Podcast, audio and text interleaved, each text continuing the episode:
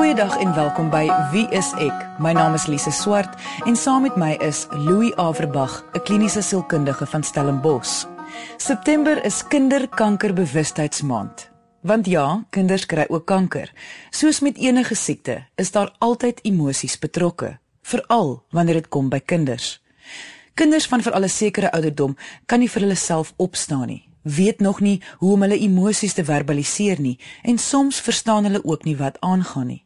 Dit alleen maak al klaar die pad wat ouers moet loop baie kompleks. Nou praat ons nog nie eens oor die verwerking van so 'n situasie wat die ouers moet deurgaan nie. So ons gaan vandag gesels oor hoe ouers mooi na hulle self kan kyk, maar ook hoe vriende en familie hulle emosioneel kan bystaan om saam die pad te stap. Ons gas vandag is Thomas Engela, een van die stigterslede van Little Fighters Cancer Trust, 'n organisasie wat daarop fokus om die pad vir die kinders wat gediagnoseer is met kanker en veral hul families te vergemaklik. Kom ons hoor waar sy storie begin. Kom ek sê gou vir jou hoe dit begin het was. Vriende van my se kind is gediagnoseer met kanker op die ouderdom van 2 weke. En ehm um, op daai stadium was dit nogal vir my erg om in die hospitaal te kom en te sien fisies waar deur hierdie kinders gaan en waar deur hulle ouers gaan. Daar's ma's wat daarso sit. Toe ek daar was die eerste keer wat al 14 maande in die hospitaal is op daai blou stoel. En daarso het ietsie vir my 'n liggie opgegaan om te sê hoor iets moet ons doen of iets meer as wat ons op die stadium doen moet ons kan doen. En ehm um, toe het ons besluit om 'n organisasie van soorte op die been te bring om so iets te kan doen en toe het ek gepraat met my prokureur en met my boekhouers en toe het hulle voorgestel kom ons begin met hierdie trust. En ten tye van die begin van die trust was ek besig met um reservaatontbossing. Ek het actually indringerbome verwyder uit reservate uit. En op die einde van die dag het ek so baie hooi op my vir gehad, ek kon nie letterlik by alles uitkom nie. En ehm um, ja, toe het ons maar die besluit geneem om 100% te gaan met wat ons nou doen en dit was 6 jaar, bietjie meer as 6 jaar gelede. En nou is ons die hele land vol. Ons doen werk in elke onkologie saal basies in Suid-Afrika. Louis, wanneer 'n ouer uitvind hul kind het moontlik 'n lewensgevaarlike siekte, om dan te sê jy moet mooi na jouself kyk, voel soos 'n belaglike sin. Ja, dit voel heel ontoepaslik, want dis tog die laaste ding op wat op mense gedagtes is jy as ouer in so 'n geval is tog glad nie oor jouself bekommerd en gee regtig nie eintlik om nie. Dit gaan tog mos nou alles oor hierdie skok en en en die kind. Maar wat mens moet nou onthou en dit is baie maklik om te praat, maar moeilik om te doen, is dat mense beperkte vermoëns het. En 'n terminale siekte soos kanker kan nogal lank duur. Dit kan maande aanhou, selfs meer as jare. Mense het net soveel toleransie om soveel druk te kan vat. Dis uiters abnormale omstandighede. Jy as ouer is dis die laaste vesting. Baie ouers het nog ander kinders by die huis ook. As jy dit nie maak nie, is alles in mekaar. Ook jou kind wat nou vir sy of haar lewe moet veg, is totaal afhanklik van jou om sterk te wees. En dan is dit nou maar soos oorlewing. Jy het geen keuse nie. Jy moet jouself oppas, anders gaan jy dit een of ander tyd nie maak nie. Wat sal jy as kliniese sielkundige voorstel is die belangrikste om mee te begin om seker te maak jy kyk mooi na jouself? Wel die probleem is hier is dat jy heel waarskynlik gaan uitgebrand raak emosioneel in hierdie proses. Omdat dit 'n situasie is wat ongelooflike hoë angs vir enige mens gaan opwek. Dit veroorsaak soveel onsekerheid, jy het so min beheer hieroor dat jou lyf gaan die prys een of ander tyd betaal. Jy sal dus moet seker maak om jou lyf min of meer te beskerm teen hierdie veg of vlug situasie wat die terminale diagnose aan jou gaan doen. Dis mos wat angs doen. Angs gee vir jou eh, laat jou lyf in 'n veg of vlug ingaan. Ja natuurlik, want jy wag heeltyd wat gaan gebeur. Jy's nie onsekerheid nie. Al die dinge wat vir jou as ouer 'n nagmerrie kan wees, is nou hier by jou. En jou liggaam reageer deur gereed te maak vir oorlewing. En so bly jy dus dan in hierdie oorlewingstoestand vir maande. Wat beteken jou battery word heeltemal leeggelaat, jou energie word getap en dan brand mens uit. En onthou, feitelik al hierdie simptome sit in jou lyf vas, in jou liggaam vas. Jou lyf betaal die prys deur dan nie te kan slaap nie, te veel adrenalien af te skei ensovoorts ensovoorts en dan is jy letterlik soos 'n voertuig wat gaan staan. En die belangrikste aspek is om jou liggaam gereguleer te hou dat jy nie in so konstante angsvolle toestand is waar jou spiere saamgetrek is nie. Baie mense vind dit nodig om medikasie te gebruik hiervoor. Wat mens ook kan byvoeg daarmee is letterlike fisiese ontspanning soos wat jy moet vir jou jas aantrek. As jy uitgaan in die koue moet jy jou lyf veral in hierdie tyd leer om te ontspan. Jy moet ontspanningsoefeninge doen sommer elke dag. Want want jy nou probeer sê is hierso is dat jy kry hierdie simptome van angs. Jou battery word uitgebrand wat, wat baie min mense besef is dit is letterlik jou lyf wat die vyand is. Jou lyf kan nie byhou by hierdie druk nie. Ons dink altyd dis ons gedagtes of ons gevoelens maar dit is jou lyf wat eerste die grootste prys betaal. Ja, en in hierdie geval kom dit altyd daarop neer dat die gees is altyd gewillig maar die vlees is te swak om hierdie tipe druk te hanteer. Jy weet so ideaal sou kon wees as jy elke dag kon gaan gym en yoga doen terwyl jy hierdie situasie moet bestuur want dan gaan jy heeltyd meer in staat wees om dit te kan doen maar daar's nooit tyd daarvoor in hierdie omstandighede nie. So alwaarvoor jy oorbly is om met jou huisdokter te praat oor medikasie maar ook om konstante eenvoudige ontspannings en asemhalingsoefeninge te doen dag in en dag uit. Ons het al in vorige episodes ontspanningsoefeninge gegee. So indien jy as luisteraar graag hierdie ontspanningsoefeninge wil gaan oefen, kyk gerus op ons Facebookblad. Daar sal 'n skakel wees na die ontspanningsoefeninge. Um ons Facebookblad is onder Wie is ek met Louie en Lise. Jessie, weet jy, ek dink om 'n 2 weke oue babatjie te sien met 19 drups in sy lyf daar is nie meer are nie en dan vind hulle are selfs op die kop, in die nek, onder die voete.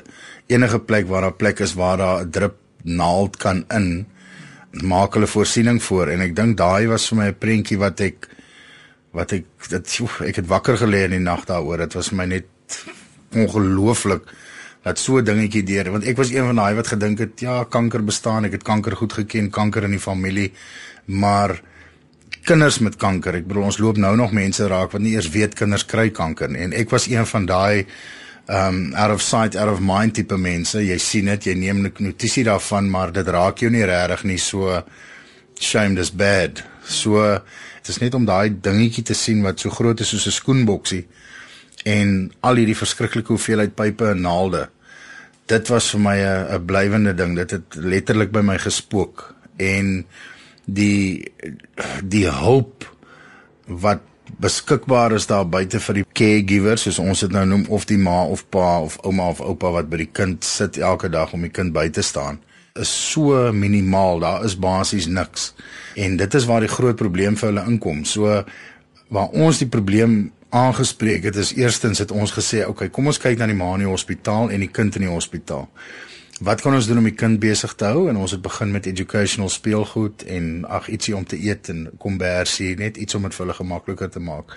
En dan ons moederprojek wil ek maar amper sê is ons bag of hope waar ons fisies vir die ma 'n sak gee met toiletries met kos met sanitêre ware met 'n handdoekie met seep met enige iets wat sy sal nodig hê basies by die hospitaal om haar deur te dra en uh, dan ook byvoorbeeld ligtyd enige iets wat hulle kan nodig hê. So ons kyk na daai behoeftes en dan sorg ons ook vir die familie by die huis. Elke familie het maar sy eie behoeftes. Party mense het goeie medies en goeie inkomste, hulle het net emosionele um, ondersteuning nodig. Dan is daar families wat letterlik niks het nie. So dan kyk ons dat die familie by die huis kos het om te eet. Ons kyk dat hulle vervoer het. Ons kyk dat die kinders skoolklere het wat by die by die huis is as ook van skoolbenodighede en dan sorg ons ook dan nou vir die kind en die en die caregiver basies in die hospitaal. Jy luister na Wie is ek met Louie en Lise op RSG 100 tot 104 FM. Soos Thomas al gesê het, sit van die ouers soms vir maande in die hospitaal. Hoe kan familie en vriende hulle help? Wat ek al gevind het, is dat praktiese hulp in omstandighede soos hierdie van onskatbare belang is. Ons het gesien hoeveel emosionele en fisiese druk op ouers kan wees as hulle kind het met 'n terminale diagnose. En vriende wat help om byvoorbeeld ander kinders by die skool te kry, om bietjie die huis skoon te maak, die gras te sny, om die druk van die alledaagse lewe van ons ouers af te haal. maak dit net soveel meer moontlik vir hulle om daarom te hierdie oorlewingsstryd te kan veg. En natuurlik is daar ook baie waarde in emosionele ondersteuning. So 'n bietjie saam te gaan hospitaal toe, daarom 'n draai te maak by die huis of 'n oproep te maak en die emosionele ondersteuning te laat deurkom dat ek kan nou nie iets hieraan verander nie, maar ek voel daarom swaar saam met jou of ek is daar vir jou. Baie mense is nie altyd gemaklik nie en mense is baie keer onseker. En ek kan dit verstaan. Wat sê mens vir 'n ouer of 'n vriend van jou wie se kind nou net gediagnoseer is met kanker? Wat kan jy sê? So as jy nie gemaklik is daarmee nie, gaan sny sommer die gras of doen iets en dit help gewoonlik. Al die druk af van die alledaagse verpligtinge. Omtrent 2/3 van die kinders word nie gediagnoseer nie van die kankergevalle in Suid-Afrika. Omtrent net 'n derde word gediagnoseer. Dit is waar die vroeë waarskuwingstekens so belangrik is. So wat ons probeer kry is dat die mense die waarskuwingstekens ken en besef, luister, miskien moet ons 'n toets doen en kyk of die kind nie miskien positief toets vir kanker nie. Want hoe vroeër ons dit kan optel, hoe vroeër is dit behandelbaar. En 70% van die kankers in Suid-Afrika is heeltemal 100% um curable, geneesbaar as dit vroegtydig opgespoor word. En in ons geval, ontrent al die kinders wat by ons uitkom is fase 3 of fase 4. Veral aan die begin. Um ons het kinders gehad, 'n seentjie wat vir meer as 'n jaar misgediagnoseer is. Hulle het gesê hy het sinusitis tot hy breinkanker. Um ons het seker 2, 3 maande gelede weer 'n geval gehad van 'n mamma wat ook 'n hele tyd met haar kind in en uit was by die dokters en toe hulle terugkom toe sê hulle fase 4, hulle kan niks meer vir hom doen nie. So dit is waarmee ons daagliks werk en vandat ons begin het met ons projek en vandat ons so um, fokus op bewusmaking, is daar definitief 'n verbetering in die diagnose en daar is nou al gevalle waarvan die onkologie sale vol is waar dit in die verlede nie vol was nie en dit was hier en daar 'n geval nou is hulle letterlik tot kapasiteit toe vol want die mense kom dit vinniger agter. En in ons land is daar basies sê maar 10 tot 20% kinders op hierdie stadium wat dit maak wat deurkom actually in die kanker wen en in die ontwikkelde lande is dit 70 80 tot 90%. En die grootste ding wat ons gesien het op die einde van die dag is ehm um, dit lê maar ek bedoel in, in Oktober weet jy almal is borskanker. Die hele wêreld word pink gemaak en almal weet daarvan en almal kyk uit daarvoor.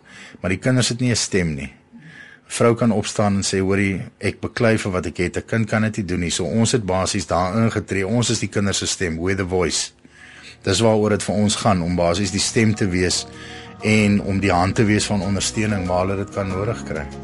Ons gesels vandag oor die emosionele implikasies wat 'n diagnose van kanker by kinders nie net op die direkte gesinne of families het nie, maar ook op die mense rondom hulle en hoe iemand mooi kan kyk na hom of haarself ten tye van so 'n moeilike pad. Indien jy die begin van die program gemis het, kan jy na die pot gooi op RSG se webwerf gaan luister. Dit is rsg.co.za. Soek net vir wie is ek en luister na episode volgens die uitsaai datum of kort beskrywing. Ons gas vandag is Thomas Engela, een van die stigterslede van Little Fighters Cancer Trust, 'n organisasie wat daarop fokus om die pad vir die kinders wat gediagnoseer is met kanker en veral hul families te vergemaklik. Ons wou by hom weet wat het hy al waargeneem by ouers wat hulself in hierdie posisie vind. Een van die eerste dinge is hulle is geneig om die fout by hulle self te soek. Wat het ek verkeerd gedoen? Het ek vir my kind die verkeerde kos gegee? Is daar een of ander genetiese probleem? Eerste ding wat hulle doen is hulle soek die fout by hulle self. Dan nadat hulle die skok soort van verwerk het. Jy weet mos hoe gaan jy deur die verskillende fases? Dis gewoonlik eers as die skok van die kanker en dan begin kwaad deurstaan en onsekerheid en al daai tipe van dinge. Ja, hulle hulle kom op 'n stadium uh, waar dit baie soveel druk op die op die op die gesin sit of as die ouer paar sit of op die ma of op die pa. En wat gebeur is hulle hulle kom in hierdie situasie, daar's niemand wat hulle kan lei deur die proses nie. En op die einde van die dag, hulle voel so inferior dat hulle hulle hulle loop weg. Ons het soveel families wat enkel ouers is as gevolg van die van die ma of pa wat loop. Hulle hulle hulle voel hulle kan dit nie hanteer nie.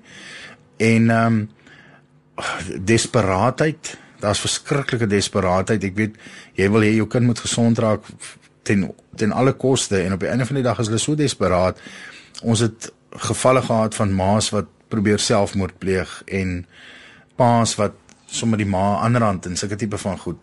Maar dit is absoluut frustrasie. Dit is dit is dit is emosionele frustrasie. Hulle verstaan nie die proses nie.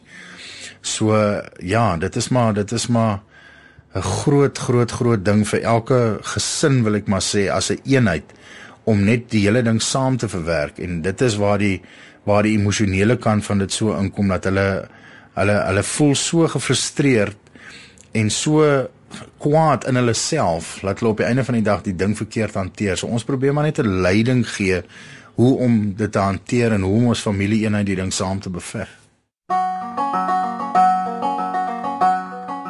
Louis, ek dink almal van ons hoor nou hier, daar loop ouers weg terwyl hulle kind nog in die hospitaal is. Soos ons nou gehoor het, partykeer bly net die ma, partykeer bly die pa, maar die verhouding verbrokkel. Maar ek moet sê, ek kan dit nogal verstaan want as mens moet dink aan daardie frustrasie van 'n situasie, moet dit geweldig moeilik wees. So wat kan ouers wel doen om hulle verhouding sterk te hou? Ja, ek deel die ervaring met Thomas. Ek ervaar geweldig baie dat selfs met kinders wat tot sterwe kom, jong kinders, dat die ouers se huwelike gereeld in die slag bly as gevolg hiervan. En dis nogal nie so maklik nie. Ons moet in gedagte hou dat baie verhoudings nie noodwendig sterk was voor hierdie diagnose in hulle gesin ingekom het nie. Daarby saam gebeur dit baie keer dat kinders verhoudings aan mekaar hou of huwelike by mekaar hou. En as die kind tot sterwe kom, is daar niks meer oor in die verhouding.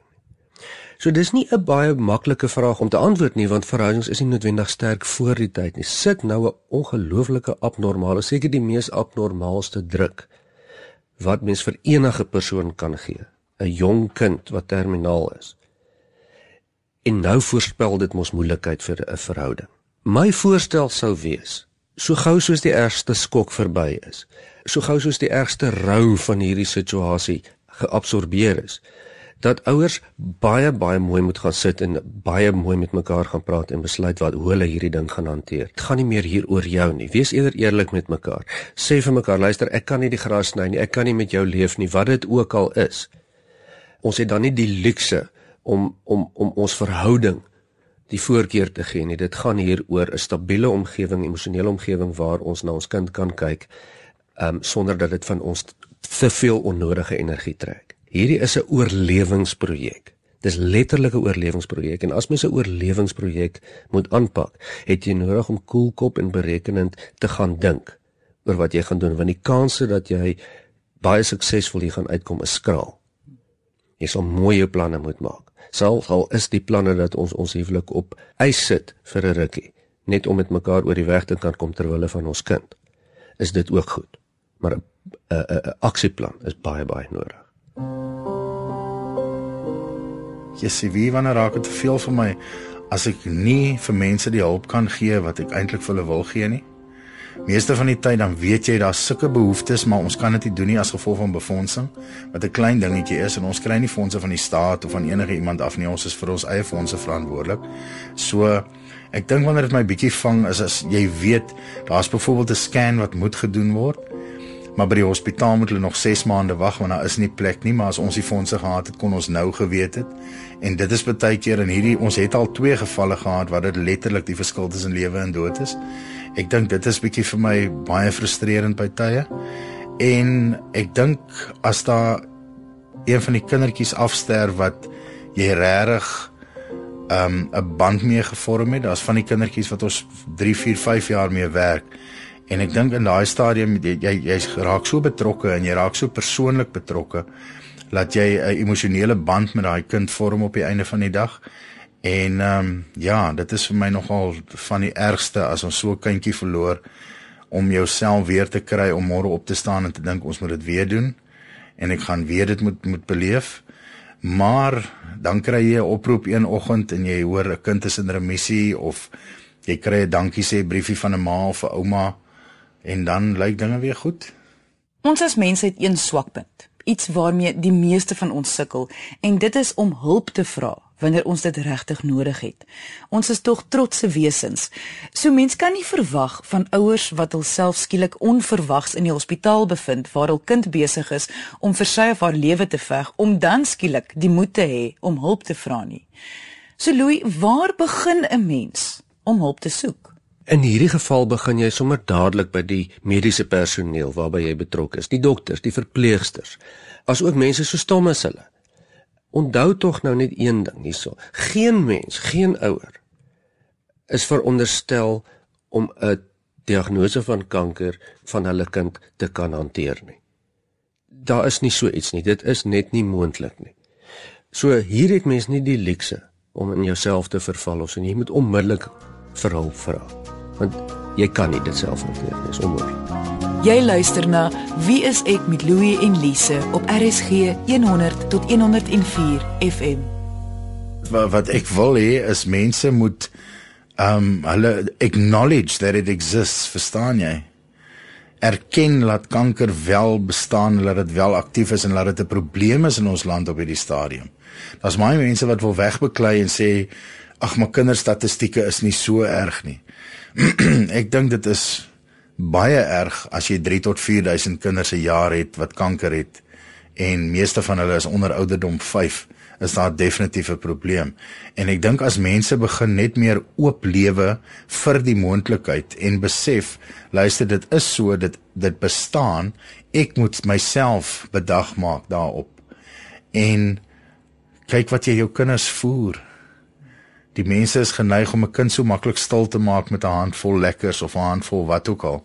En ehm um, ek dink as ons bietjie meer dis is 'n kwessie van amper meer teruggaan na die ouer manier van dinge doen. Spandeer tyd met jou kind. Sit om 'n tafel, gesels met hulle, praat met hulle. Dis al hoe jy weet en al hoe jy sien. Maar almal se leefstyl is so besig op hierdie stadium. Almal leef by mekaar verby. Jy sien jou kind vinnig na werk, dan moet ons gou-gou klaarmaak en eet en bad en in die bed môre gaan ons weer aan. En ek dink meer kwaliteit tyd by jou kinders kan in elk geval vir elke familie en vir elke gesin soveel meer beteken, maar dit is waar jy probleme agterkom. En en sien daar's fout of die kind kla van 'n hoofpyn. Die nanny weet dit, maar die ma weet dit nie eers nie. Ehm um, ja, ek dink as as mense net begin besef ons het 'n probleem met kinderkanker in Suid-Afrika veral en um, daar moet definitief iets om gedoen word. En ek dink as meer mense um advocate en sê hoorie dit is daar, daar skole, ons gee praatjies oral. Ek bedoel ons ons doen dit met liefde, ons doen dit vir net so as mense net besef dit is so en elkeen net vir sy buurman kan sê het jy al gehoor hiervan, weet jy dit is so, weet jy dit bestaan en homself net bietjie oplei in die in die vroeë waarskuwingsteken. Ek bedoel daar's net 10 punte wat hulle regtig na moet kyk. Dan dink ek sal dit baie beter gaan, ja. Daar is min dinge so erg soos vir 'n ouer wie se kind met kanker gediagnoseer word. Dis 'n abnormale emosionele situasie wat ongelooflik baie druk op 'n verhouding sit en op 'n persoon as individu sit. 'n Mens se emosies word daardeur aangeval. Baie sterk. Dit veroorsaak baie angs, dit veroorsaak baie bekommernis. En mense denke en optrede kan na mate jou emosies begin oorneem in hierdie omstandighede, agterweë begin gaan. Daarom is dit geweldig belangrik om in hierdie oorlewingsstryd stabiel te bly met al twee bene op die grond te bly staan. En daarom is dit uiters belangrik om jouself sterk te hou. En ons het gesien om jou liggaam dus te beskerm is geweldig belangrik sowel as om hulp te kry omdat dit so 'n abnormale situasie is. Indien jy vir ons vra het oor vandag se onderwerp, kan jy ons kontak deur ons webwerf. Dit is wieisek.co.za of deur ons Facebookblad onder wieisek met Louie en Lise. Indien jy die kontakbesonderhede soek van Little Fighters Cancer Trust, kan jy na ons Facebookblad toe gaan. Al die nodige inligting sal daar beskikbaar wees. Dankie aan Thomas Engelat dat hy sy visie en storie vandag met ons kon deel. En dankie ook aan jou, die luisteraar, dat jy ingeskakel het. Ons maak weer so volgende Vrydag 12:30 net hier op RSG. Jy moet 'n heerlike naweek hê en onthou, kyk mooi na jouself.